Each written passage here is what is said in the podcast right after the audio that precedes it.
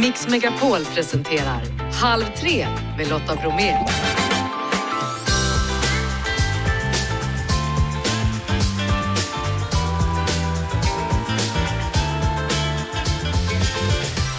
Hallå där och varmt välkommen in i Halv tre-studion. Ny vecka och ny måndagsmix. Lyssna inte alltid på experterna. Eller, det undrar Emma Frans i en ny bok. Hon är dagens gäst. Vi kollar in nattens Oscarsvinnare. Nu faller börserna världen över oroligt i finansvärlden. Måndag betyder ett bra poddtips. Talar om stödlinje för psykisk ohälsa, den behövs nationellt. Och så snackar vi med legobrottslingen och med Nicky Amini om morgondagens eltfest. Detta och mer, nu kör vi! Det har blivit dags att fira det persiska nyåret, välkomna våren och uppmärksamma situationen i Iran. Imorgon så sänder SVT Eldfesten där Nicky Amini programleder tillsammans med Shiva Negar och Bita Milanian. Välkommen till Halv tre Nicky Amini! Hej Lotta! Hallå du, hur är läget i Avicii Arena? Går förberedelserna bra? Jo, men eh, det går bra. Scenen ser väldigt fin ut. Det kommer bli en fin kväll. Ja, vad kan du berätta om Eldfesten? Ja, men alltså just alltså eldfesten är ju en gammal tradition som eh, sammanfaller med det persiska nyåret. Men just i år är ju temat A Call for Freedom. Så hela kvällen är ju tillägnad att belysa situationen i Iran. Idag så såg jag alldeles nyligen innan jag gick in i, stor, i, i studion här att de iranska myndigheterna säger att de har gett 22 000 personer amnesti. Jag vet inte hur man ska se på sådana saker. Eh, nej, eh, det vet faktiskt inte jag heller om jag ska vara ärlig. Men eh, alltså, det här, den här kampen liksom för frihet som befolkningen i, i Iran eh, liksom driver, det har ju pågått liksom över generationer och i decennier. Så de, de vill ju se en förändring som är för evig i sitt land. Ja, och de här protesterna då efter Mahsa Aminis död, de fortgår ju. Det gör de och det är det jag menar att det, det har ju varit återkommande för att alltså, Iran består av en väldigt ung befolkning eh, och de, de vill ha en annan framtid för sig själva helt enkelt. De vill ha samma friheter och rättigheter som vi har i princip. Finns det något som man absolut inte får missa imorgon, förutom dig? Eh, nej men eh, jag gör ju det här som sagt tillsammans med mina två kollegor Shiva och Bita och det kommer bli en fin kväll, väldigt mycket vacker musik eh, och väldigt viktiga budskap. Så jag, jag tycker absolut att man ska slå på SVT klockan 19. Mm. Carola har jag hört ska vara med, eller? Ja, hon kommer framför uh, Shervin Hajipours låt Baraye som också har fått en Grammy för den kraften har just i kampen för frihet. Carola gör det väldigt vackert, hon sjunger på svenska. Det kommer också bli en minnesvärd stund under kvällen. Mm. Om man nu inte har möjlighet att närvara eller kolla på eldfesten, då, hur firar man in det persiska nyåret på bästa sätt tycker du?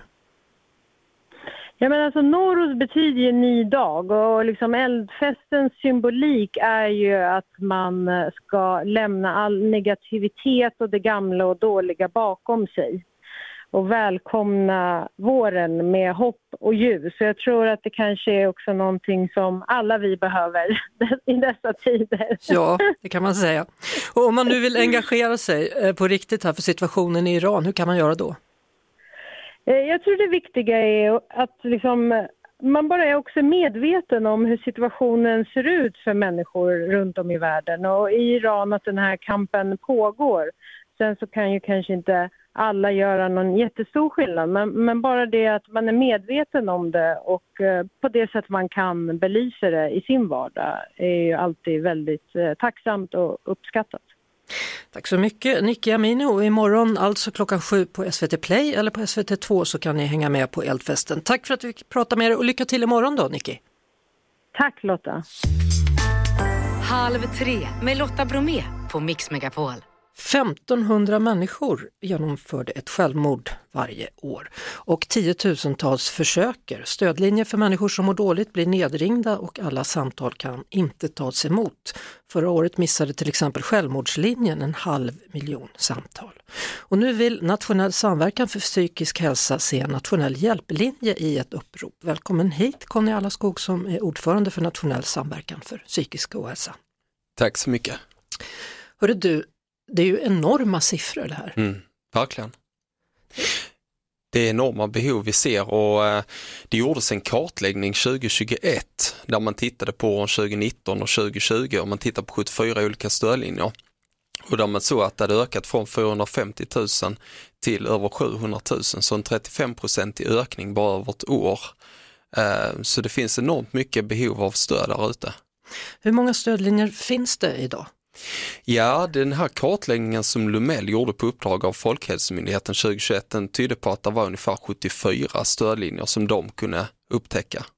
Men, men inga av dessa då hör liksom egentligen ihop utan vad, vad ni nu vill ha är en som gäller för hela Sverige. Mm, precis, de här 74 stödlinjerna de är uppbyggda då av volontärer så det är civilsamhällets organisationer. De gör ett enormt bra eh, arbete men det vi vill se är en nationell hjälplinje med professionellt stöd, alltså där det är professionell personal som arbetar och som också kan hänvisa vidare till annan vård och stöd. Och sådär.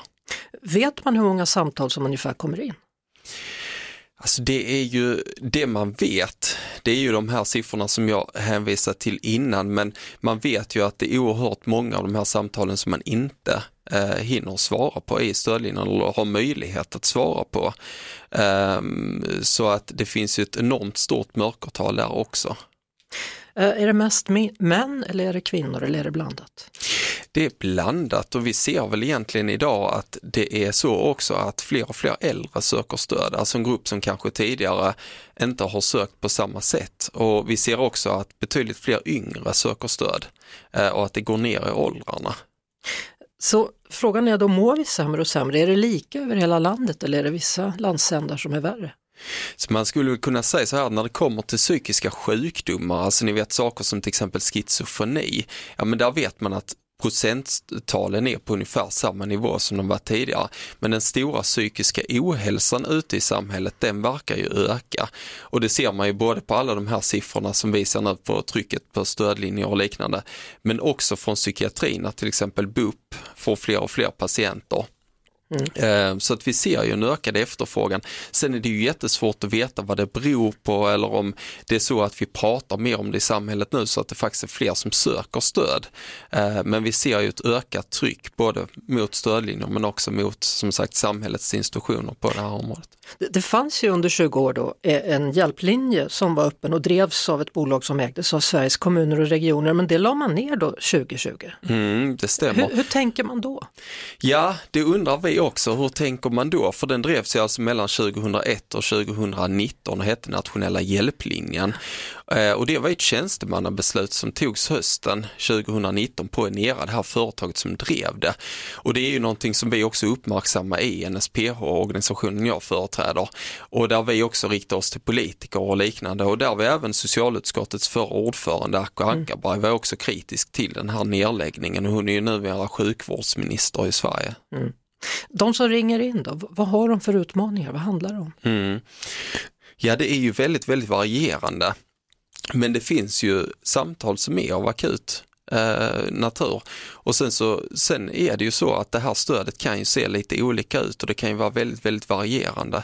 Men det man vet är ju att, att personer behöver verkligen ett stöd och man behöver också tillgängligt stöd. För om man tittar på de stöd som finns till exempel i BUP så såg vi ju förra veckan att det uppmärksammades att väldigt många hade oerhört långa väntetider. Det här är ju inget nytt problem utan men nu har ju även IVO uppmärksammat att det ibland kan röra sig om ett, två år innan du får ett stöd. Mm. Men är det att man har pengaproblem eller är det att man känner sig ensam eller är det att man känner sig oälskad eller vad? Alltså vi ser ju att, att i, så som situationen är nu och kring ekonomin och sådär så ser man ju ett ökat tryck, tryck kring det här och att det också i sig skapar en ökad psykisk ohälsa. Men det kan ju finnas oerhört många anledningar till att människor mår dåligt så det är svårt att säga en generell sak. Eh, man har ju tidigare slagit fast om man gjorde, bad eh, Folkhälsomyndigheten att göra en utredning, behövs en sån här särskild mm hjälplinje. Och vad hände sen? Precis, 2020 gjorde man alltså en utredning för att titta på behovet Eh, och då fastslog man att det finns ett behov av en nationell hjälplinje. Så 2021 så skulle man ta reda på själva huret och då tillsatte man en ny utredning och den lämnade sitt eh, resultat i våren 2022. Mm, så det är ett år sedan? Det är ett år sedan och sen har ingenting hänt. Men, men varför blir det så här? Ja, det är ju det vi eh, just nu försöker uppmärksamma också, för vi ser ju att behovet finns där eh, och man har ju till och med tagit reda på många av huren också, så att nu behövs ju besluten. Nu finns det då ett upprop där Nationell samverkan för psykisk hälsa tillsammans med Suicide Zero och Funktionsrätt Sverige kräver en nationell hjälplinje. Då. Hur, hur går det med det här arbetet? Vad är mm. status? Precis. Vi hade ett möte med socialministern den 21 februari, Jakob Forssmed, eh, där vi också lämnade över den här namninsamlingen eh, där vi hade ungefär 10 000 namn vid den här tidpunkten. Och eh, vi la ju fram de ståndpunkter vi hade eh, på det här mötet och vi tycker väl att vi fick ett bra bemötande och att det var ett bra möte men det finns inga konkreta beslut och man, man har fortfarande ett problem med själva huret. Man menar att det finns fortfarande tekniska problem kring hur det här ska läggas fram eh, och man pratar också om att man kanske eventuellt behöver göra ytterligare en utredning kring själva huret. Men vad tycker du då? Som, som lever i närhet med det här? Jag tycker det här är väldigt, väldigt problematiskt. Jag tycker att man har redan haft två utredningar, man har haft väldigt lång tid på sig nu. Hur svårt no kan det vara liksom då? Och, ja, och starta en? Hur svårt kan det vara? Och det är någonstans att tekniska lösningar kan ju inte stå framför människoliv. Ja, det är det det handlar om. Det är det det handlar om. Och också anhöriga till dem som eventuellt försöker eller tar sitt liv. Precis, och det här gäller ju oerhört många människor så någonting måste ju hända. Så vem ser du som ansvarig i detta nu då? Ja, vi ser ju att socialministern och, flera andra behöver ju ta de beslut som behöver fattas helt enkelt och, och äh, saker behöver hända. Äh. Och tills någonting händer då så ställer frivilliga upp så gott det går?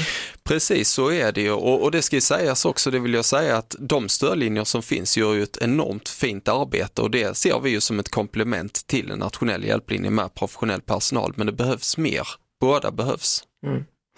Om det är så nu att du som lyssnar känner att du vill prata med någon så är, går det att chatta med Självmordslinjen då som har öppet dygnet runt alla dagar. Du kan också chatta med Livslinjen som har öppet 19 till 24 söndag till torsdag. Så kan man också ringa då, det handlar om Mind och då är det Självmordslinjen som har telefonnummer 90 101. Man kan också ringa som förälder 020 85 20 00 eller äldrelinjen 020 22 22 33. Vi ska publicera detta på Mix Megapols Instagram dessutom för det är svårt att hinna med alla telefonnummer. Avslutningsvis, Conny Allaskog, ordförande för Nationell samverkan för psykisk hälsa och hjärnkoll. Vad, vad vill du säga? Jag vill väl skicka med att vi anser att det är hög tid för regeringen att agera nu. Att nu behövs det verkligen de beslut behöver fattas för att rädda liv. Halv tre med Lotta Bromé på Mix Megapol. Expertparadoxen, ja så heter den nya boken och man undrar ju vad är det för paradox? För att få reda på detta har vi bjudit hit författarinnan och forskaren Emma Frans. Välkommen! Tack snälla, kul att vara här. Vad är det för paradox? Ja, men den här paradoxen som jag beskriver i boken, det handlar ju om att trots då att det är bra generellt, både för individer och samhälle, att vi har ett högt förtroende för forskare och experter, så kan blind tro på vetenskapliga auktoriteter ibland leda oss helt fel och faktiskt ha förödande konsekvenser. Vad tänker du på då? Ja, men några av de exemplen som jag eh, nämner i boken det är bland annat då eh, forskare, en professor vid Stanford som förutsåg att det skulle bli en omfattande befolkningsexplosion vilket skulle innebära massvält under 70 och 80-talet. Eh, och det gjorde att många människor blev väldigt rädda eh, men det visade sig sen att det här inte alls slog in utan istället så kunde man se under den här perioden att andelen människor som levde då i svält minskade under den här tidsperioden. Så att här hade vi den här personen som var då en vetenskaplig auktoritet mm. eh, som visserligen då uttalade sig lite utanför sitt område. Han var expert på fjärilar, insektsforskare. Eh, kände i och för sig, ja, ni fnissar här i bakgrunden. ja. eh, och jag menar, eh, han hade ju kännedom eh, kring då insektspopulationer. Men när det kommer till sådana här väldigt komplexa frågor så behöver man ju kanske en bredare expertis och det är ju också någonting som vi ser nu att forskare blir allt mer specialiserade samtidigt som många av de här problemen som mänskligheten står inför är extremt komplexa. Mm. Och där finns det kanske inte då en expertis som kommer rädda oss. Det är inte så svartvitt med andra ord. Nej men precis. Ett annat sånt här exempel är ju också eh, en forskare och läkare vid namn Andrew Wakefield som verkligen har blivit en superspridare av den här myten om att det finns kopplingar mellan vaccin och autism. Så det är också ett sånt exempel som jag tar upp i boken. Ja, du har tidigare då vunnit Stora journalistpriset för Årets röst och du har vunnit Studieförbundet Vuxenskolans folkbildningspris. Vad, vad är det som driver dig?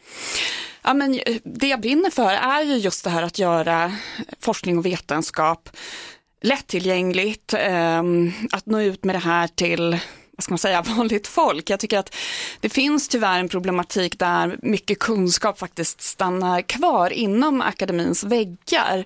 Och jag tror ju att, ja men just det här med vaccinmotståndet tycker jag illustrerar väldigt tydligt hur problematiskt det är när människor inte tror på det som är vetenskapligt belagt och att vi kan liksom ta fram hur många läkemedel, vaccin, innovationer som helst men om människor inte eh, tror på det här eller liksom väljer bort eh, det här så är ju allt det här arbetet förgäves tänker jag och det är väl därför det känns viktigt för mig att vara ute bland allmänheten och kommunicera kring vad vetenskapen faktiskt visar och också mm. liksom jobba med det här begreppet som man ibland kallar för scientific literacy, alltså en sorts förståelse för vad vetenskap är och vad det inte är. Alltså, du blev ju också en, en röst och ett ansikte då för svenska folket i och med pandemin. Och du är ju professor i epidemiologi. Hur, doktor i epidemiologi. Förlåt, doktor i epidemiologi. Jag önskar att jag var professor i du epidemiologi. kanske blir det nästa gång vi ses. Vi får hoppas. Ja. Alltså, hur, hur ser du tillbaka på det som hände? Nej, men jag tycker ju att alltså mycket tankarna utifrån den här boken kommer ju från mina egna erfarenheter när jag då var en av de här experterna och folk kom till mig också med frågor som var väldigt svåra ibland att eh, besvara för att under pandemin så fick vi också följa vetenskapens utveckling i realtid så initialt så fanns ju så himla mycket oklarheter. Det fanns inte tillräckligt mycket forskning för att man skulle kunna ge säkra svar. Samtidigt som många eh, också vände sig till experter just mm. för att få svar på liksom alla möjliga frågor. Liksom, får jag äta lösgodis? Eh, får jag krama min mormor? Eh, ska man ha munskydd på sig? Sådana frågor som kanske delvis är vetenskapliga men också ganska komplexa och som också kanske är någonting som individer själva ibland behöver ta ställning till. Men det var ju väldigt svårt och så man mm. ville gärna ha någon som pekade med hela handen och sa precis hur man skulle agera. Det är Emma Frans doktor i epidemiologi som är dagens gäst och dessutom då eh, författare som har skrivit boken som heter Expertparadoxen. Eh, att inte lita helt och blint på forskare. Man Precis tror ju det, man tror ju att man ska tro på vad ni säger. Ja, men jag, det var ju faktiskt också en upplevelse som jag tar med mig från den här pandemin. Just det där också att ibland kunde jag känna att förväntningarna på oss som experter experter var lite väl höga. Att just det här, det fanns inte tillräckligt med forskning alltid men ändå förväntade sig allmänheten att man skulle ha svar. Och när det sen visade sig att vissa av de här bedömningarna som jag och andra experter hade gjort inte blev verklighet så fanns det ju vissa som blev väldigt liksom, upprörda över det och att det kanske påverkade förtroendet också. Och det är ju också någonting som jag tar upp i boken, att just det här med olika typer av framtidsprognoser, det är alltid skakigt och jag tycker det är lite spännande nu också när vi tittar inte bara på, på pandemin men vi till exempel tittar på hur börsåret 2020 var och hur man liksom spådde att det skulle bli ett bra år. Att det är så extremt svårt att förutsäga. Mm. Det händer saker, ehm, jag menar Putin inledde det här ehm, anfallskriget mot Ukraina. Det var ju ingenting som kanske ekonomerna kunde förutse. Så det innebär att sådana här händelser gör att prognoserna, eh, att, att förloppet på något sätt ändrar kurs eh, och att det man trodde inte alls blir verklighet. Så att jag tycker också att man behöver ha den ödmjukheten och inte förvänta sig att någon ska kunna förutsäga exakt vad som händer i framtiden, vare sig eh, spådamer eller vetenskapsmän. Nu kommer jag ändå ställa den frågan ja, till dig. Jo, det, jag var beredd på det. Ja, just nu så är en av de allra största eh, serierna på HBO Max The Last of Us. Har du sett den? Nej, jag vill se den. Min slags... son pratar om att det är någon sorts myrvirus. Eller? Det är någon slags svamp eller ah. liknande som kommer på alla människor som sen blir galna. Och så. Också. Mm. Ja, kan, mm. kan det hända? Alltså just den där, jag kan inte detaljerna så det är väldigt svårt eh, för mig att uttala mig kring just det. Eh, men ofta är det ju så, det är ju aldrig det som man tror ska hända som händer exakt åtminstone. Nej. Men att det kommer bli fler pandemier är ju någonting som experterna är överens om. Men exakt vilken typ av virus det blir, eh, jag tror inte det kommer bli då ett, vad det är, en svamp. Nu pratar man ju kanske om att det snarare blir en influensapandemi, men det mm. trodde vi ju också inför den här coronaviruspandemin, att man trodde ju då att nästa stora pandemi skulle orsakas av någon typ av influensa och så blev det inte. Så det är ju på något sätt, vissa saker kan man med säkerhet förutsäga, men exakt vad som händer på detaljnivå är ju, är ju omöjligt.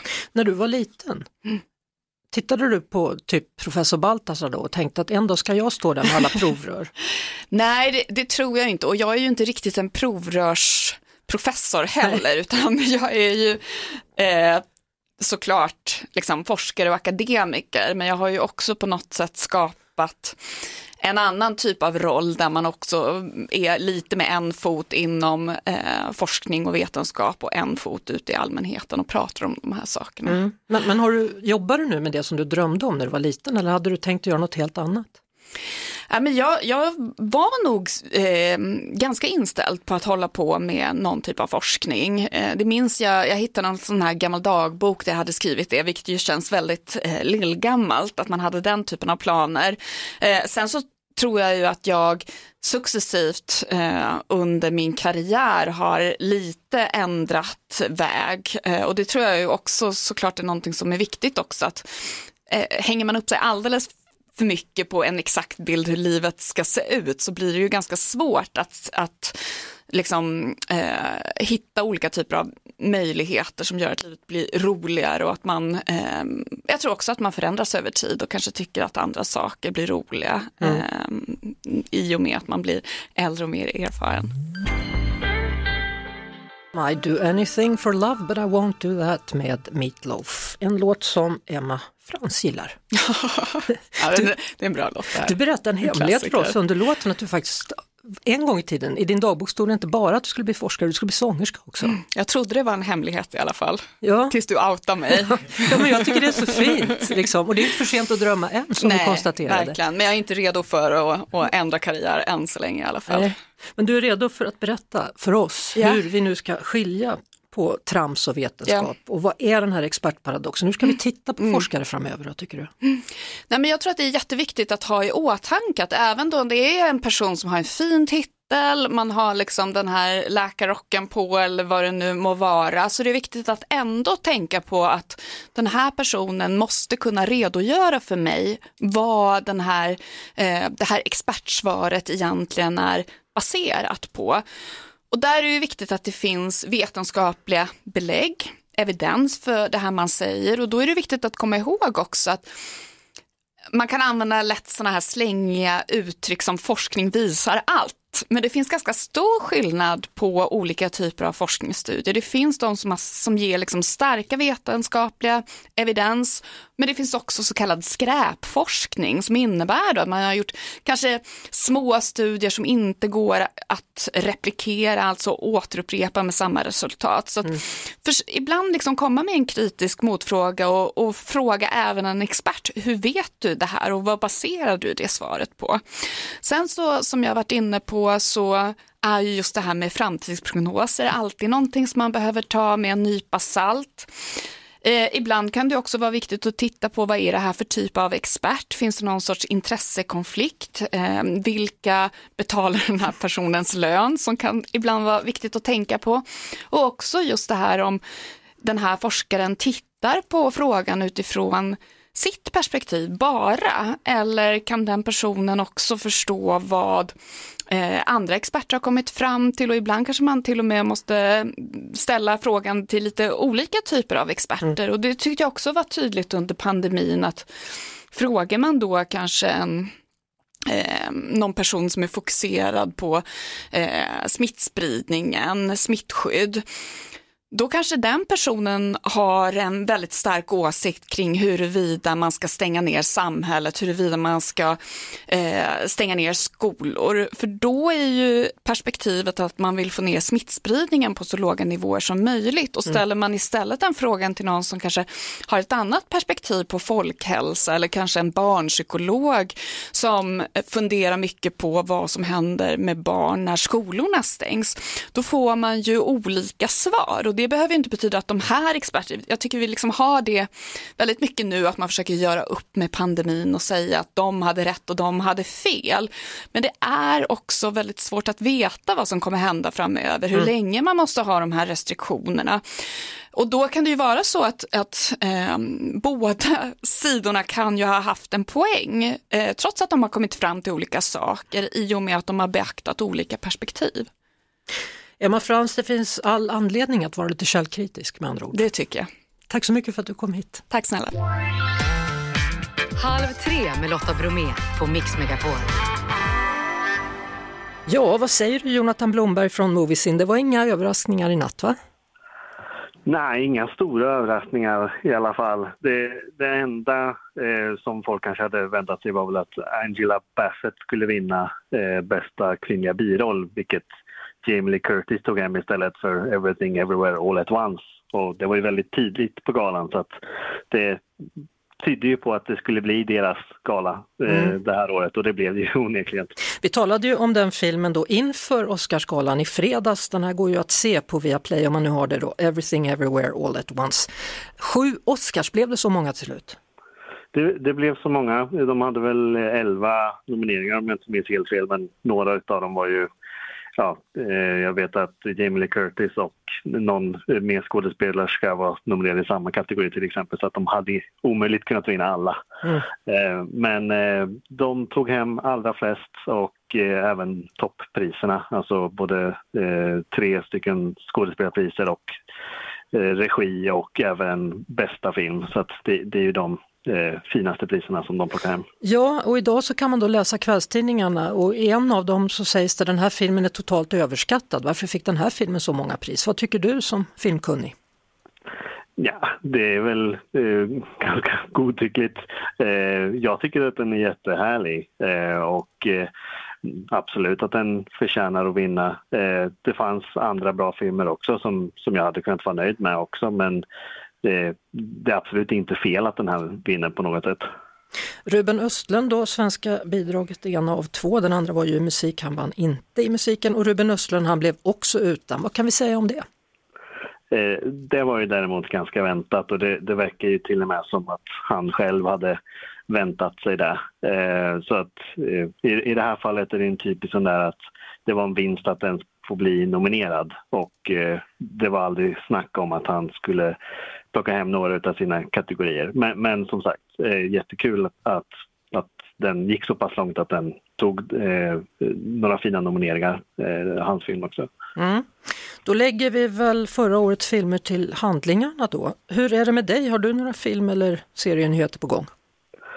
Um, ja, jag är ju väldigt sådär så att jag tittar mycket på, på, på tv-serier och eh, nu är det ju inte så långt kvar innan eh, den kommande tv-serien Silo får premiär här under våren eh, med Rebecca Ferguson på Apple TV+.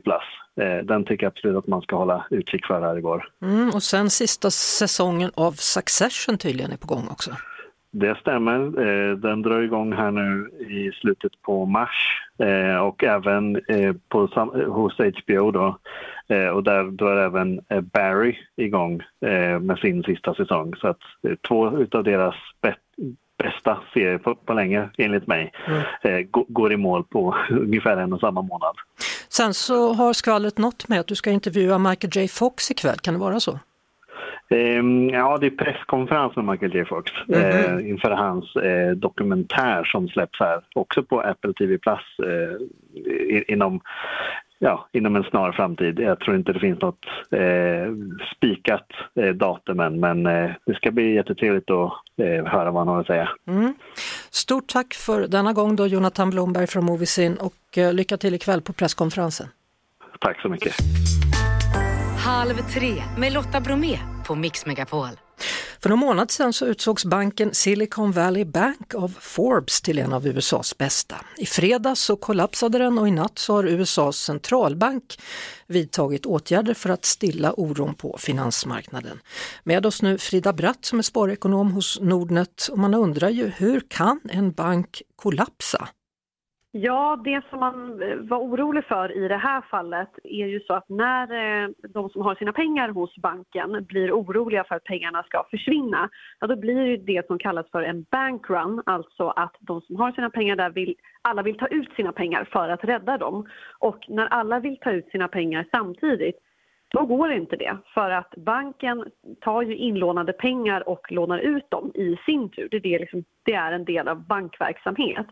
Så att när det blir en bankrun, då går en bank omkull helt enkelt. Men nu har man ju då från amerikanska myndigheters sida klivit in för att göra det här på ett ordnat sätt och så att de som har satt in pengar ska få tillbaka sina pengar helt enkelt.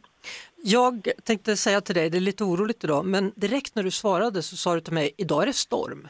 Ja, ja men det är lite känslan när man som jag då sitter och, och följer det här väldigt noga. Det händer väldigt mycket saker hela tiden. Så då är känslan att det är en storm och det är lite stormigt också på börsen och särskilt när det gäller bankaktier. Hur påverkar det här Sverige och min vardagsekonomi? Nej, men det påverkar ju så tillvida att bankaktier har ju fallit. Även svenska bankaktier dras ju med i det här och det har ju mindre att göra med svenska storbankers själva verksamhet och mer med att det finns en oro som sprider sig som en smittspridning. Det finns en oro vilka banker kan drabbas av samma sak och så blir det en stor nervositet och då faller allting. Men eh, Finansinspektionen gick precis ut här och sa att det finns inga tecken på att det skulle vara någonting som det svenska banksystemet inte kan stå emot så att säga och man ser inte att svenska banker har någon koppling till det här. Så just nu är det bara en stor oro som man såklart känner av om man äger de här bankaktierna. Det har också pratats om svenska Alecta då, vad har de gjort? De har ju då investerat i de här, inte bara en utan flera banker som har kollapsat. Just de här bankerna som har utlöst den här stora stormen. Och då är det ju så att då har de ju förlorat flera miljarder på de här investeringarna eftersom aktierna blir ju värdelösa så att säga när en bank går omkull och tas över av myndigheter kapitalet har eh, försvunnit i de fallen. Och sen så hur mycket det påverkar svenska pensionssparare, det svarar Alecta bäst på. Men man ska väl ha i åtanke att Alecta investerar ju i väldigt många olika aktier och det här är några av dem. Men det är klart att det är olyckligt.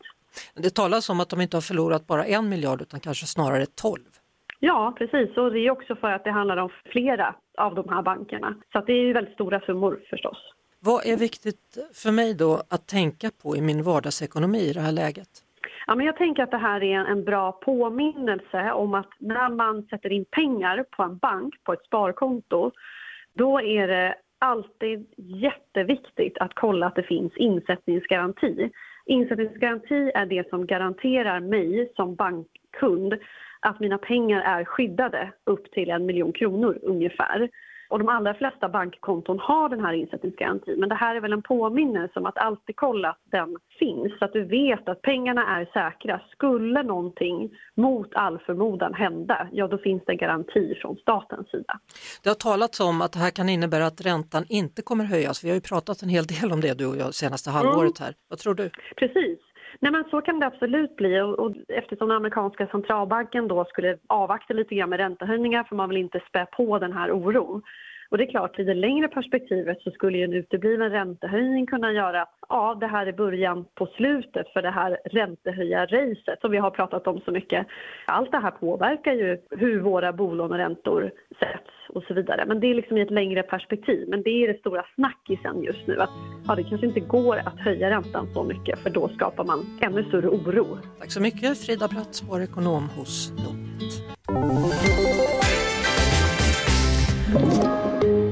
Podplay. Det är måndag och då kommer jag med tips från Podplay precis som vanligt. Vi börjar med att säga välkommen till Andreas Utterström. Hallå där! Hallå där! Nu aktuell med säsong 12 av Misslyckade brott. Hur känns det? Ja, men det är jätteroligt. När jag och min kollega Mattias Bergman började göra den här podden så hade vi inte anat att det skulle bli över 100 avsnitt. Men tack vare snälla lyssnare som tipsar om saker och tack vare mindre framgångsrika brottslingar som fortsätter begå brott så kan vi göra podden fortfarande. Är det så att misslyckade brott, är det ofta så att man liksom ler lite grann åt det eller?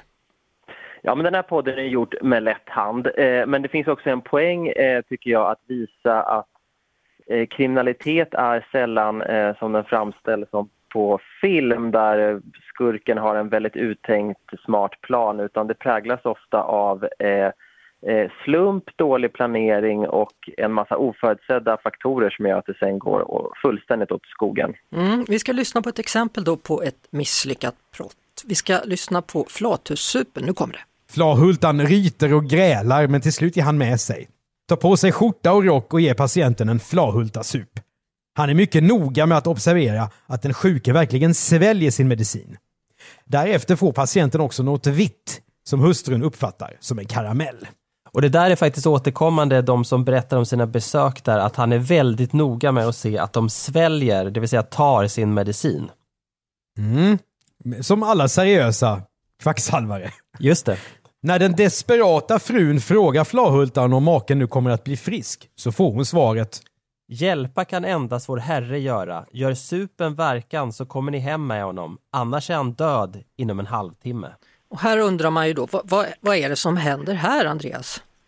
Ja, men det här handlar alltså om Sven Ingemarsson, mer känd som Flahultan, som för snart hundra eh, år sedan var en så kallad kvacksalvare. Folk som inte litade på läkare eller ville hitta alternativa vägar, de sökte sig till honom och eh, då fick de hans eh, legendariska Flahultasup som sa sig kunna bota allt från bölder eh, till benbrott. Och detta var då ett brott mot den så kallade kvacksalverilagen som fanns på den tiden. Hur gick det med honom sen då? Ja, men han, eh, det som gör då att han är en misslyckad brottsling är att han åkte till slut fast eh, och det gjorde han mycket tack vare att han då tog betalt för det här även om han krämade inte ut så mycket som han säkert hade kunnat. Och, eh, han dömdes till böter men eftersom han hade sånt stöd då bland folk i trakten så skramlade man ihop pengar till honom så att han är faktiskt med vinst eh, på sitt brott. Ja du. Eh, tolfte säsongen är ni alltså inne på. Har du något favoritmisslyckande? Ja, men jag är väldigt svag för, om jag får ta ett exempel från en annan säsong, eh, det var ju då de här rånarna i eh, Grodmansdräkt i Göteborg som, som där eh, ligaledaren sköt sig själv i foten. Och ska jag nämna något favoritexempel från den här säsongen så, så är jag väldigt förtjust i Zlatan och surströmmingsattacken där en person var så arg på Zlatan att han eh, gick till attack mot Zlatans bostad i Stockholm med eh, sprayflaskor och eh, två surströmmingsburkar. Men det slutade med att det gick dåligt även för den brottslingen. Ja, han bor väl inte ens där? Nej, eller, han bodde där då men han var inte ens eh, på plats men den här personen då som hade slängt surströmmingen, han eh, fick dåligt samvete, gick sen till polisen och eh, blev dömd för ofredande, eller om det var skadegörelse, om jag inte minns fel. Ja, kära någon.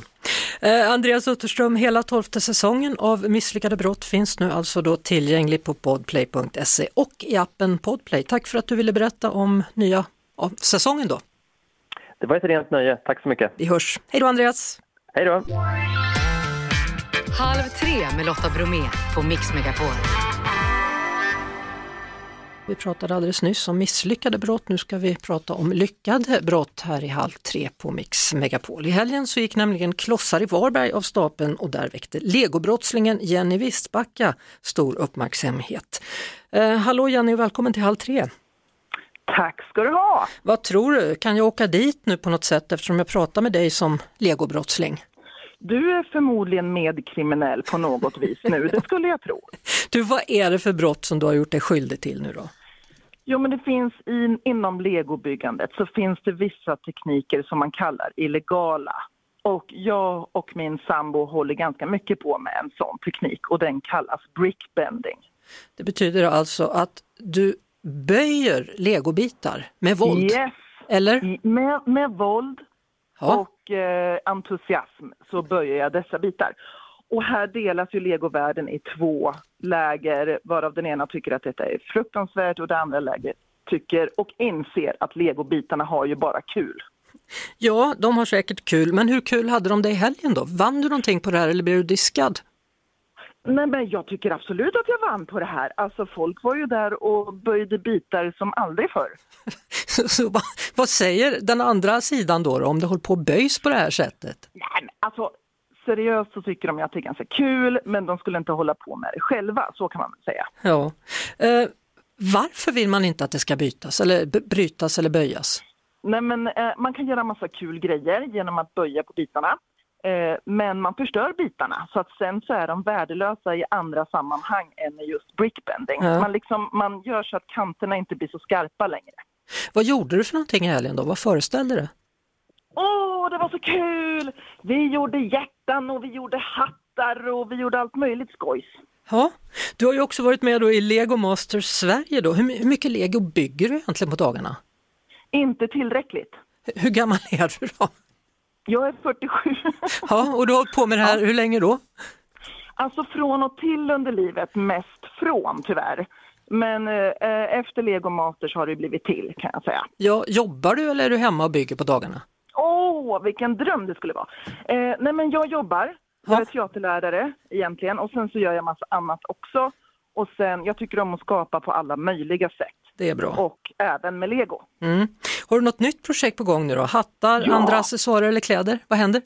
Alltså jag vill, åh, jag fick massa idéer i Varberg. Jag vill göra en klänning. En klänning av, av lego? Jag vill ha en hel modevisning med lego. Ja. Det skulle ju vara fantastiskt, eller hur? Ja, många färger i alla fall på kläderna, tänker ja, jag. Ja, det kan det vara. Om man vill, eller inte. Det kan vara väldigt eh, så här subtilt och bara vackert liksom. Eh, man kan göra vad man vill. Men eh, ett projekt som jag och sambon då har framför oss det är att vi ska bygga Gripsholms slott. Hur ska det gå? Ja, hur ska det gå? Jag undrar. Kan man göra det utan att böja bitarna? Vi ska definitivt inte böja bitarna då, tänker vi. Utan vi, vi kan också andra tekniker. Eh, och eh, just i det bygget tror jag inte att vi behöver böja så mycket bitar. Spännande, det blir kul att se det sen när det är klart då, Jenny Wistbacka i Eskilstuna. Ja, visst. Ja, Tack för att du var med och berättade och jag hoppas att jag inte Tack. döms för hårt nu för att jag har pratat med en legobrottsling. Ja, du får väl se vad folket säger. Man vet aldrig. Hej! Nej. Hej! Dagens Halv tre är slut. Janne, Jeanette och Lotta säger tack för idag. Jeff Neumann som vanligt vår producent. Fortsätt lyssna på Mix Megapol och vi hörs igen imorgon. Ny säsong av Robinson på TV4 Play. Hetta, storm, hunger. Det har hela tiden varit en kamp. Nu är det blod och tårar. Vad fan händer just nu? Det. detta är inte okej. Okay. Robinson 2024, nu fucking kör vi! Streama, söndag, på TV4 Play.